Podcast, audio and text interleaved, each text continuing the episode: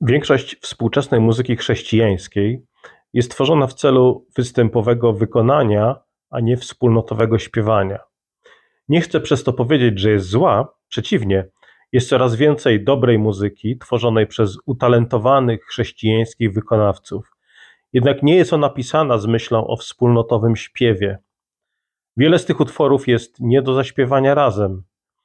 I próba przenoszenia tej muzyki na nabożeństwo skutkuje efektem koncertu, show, w którym nagłośnieni muzycy i wokaliści są na pierwszym planie, a wierni, niczym publiczność na występie, dołączają do scenicznego wykonawcy. Nie słychać tam śpiewającego kościoła. Ba, mało kto słyszy samego siebie.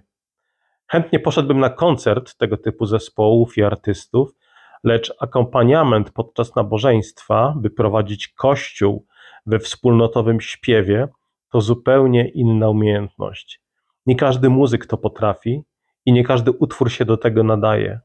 Tu potrzebne są nie tylko umiejętności muzyczne, lecz również dojrzałość w biblijnym zrozumieniu roli muzyki w kościele.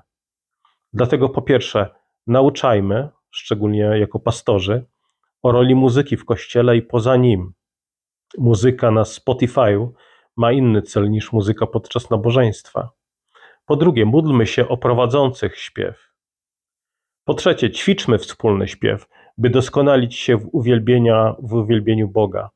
U nas w kościele robimy od czasu do czasu próbę i naukę śpiewu dla całego kościoła, zwykle raz w miesiącu. Po czwarte, śpiewajmy w domach. I po piąte, pamiętajmy, że poprzez zaangażowany śpiew nie tylko czcisz Boga, lecz również zachęcasz innych.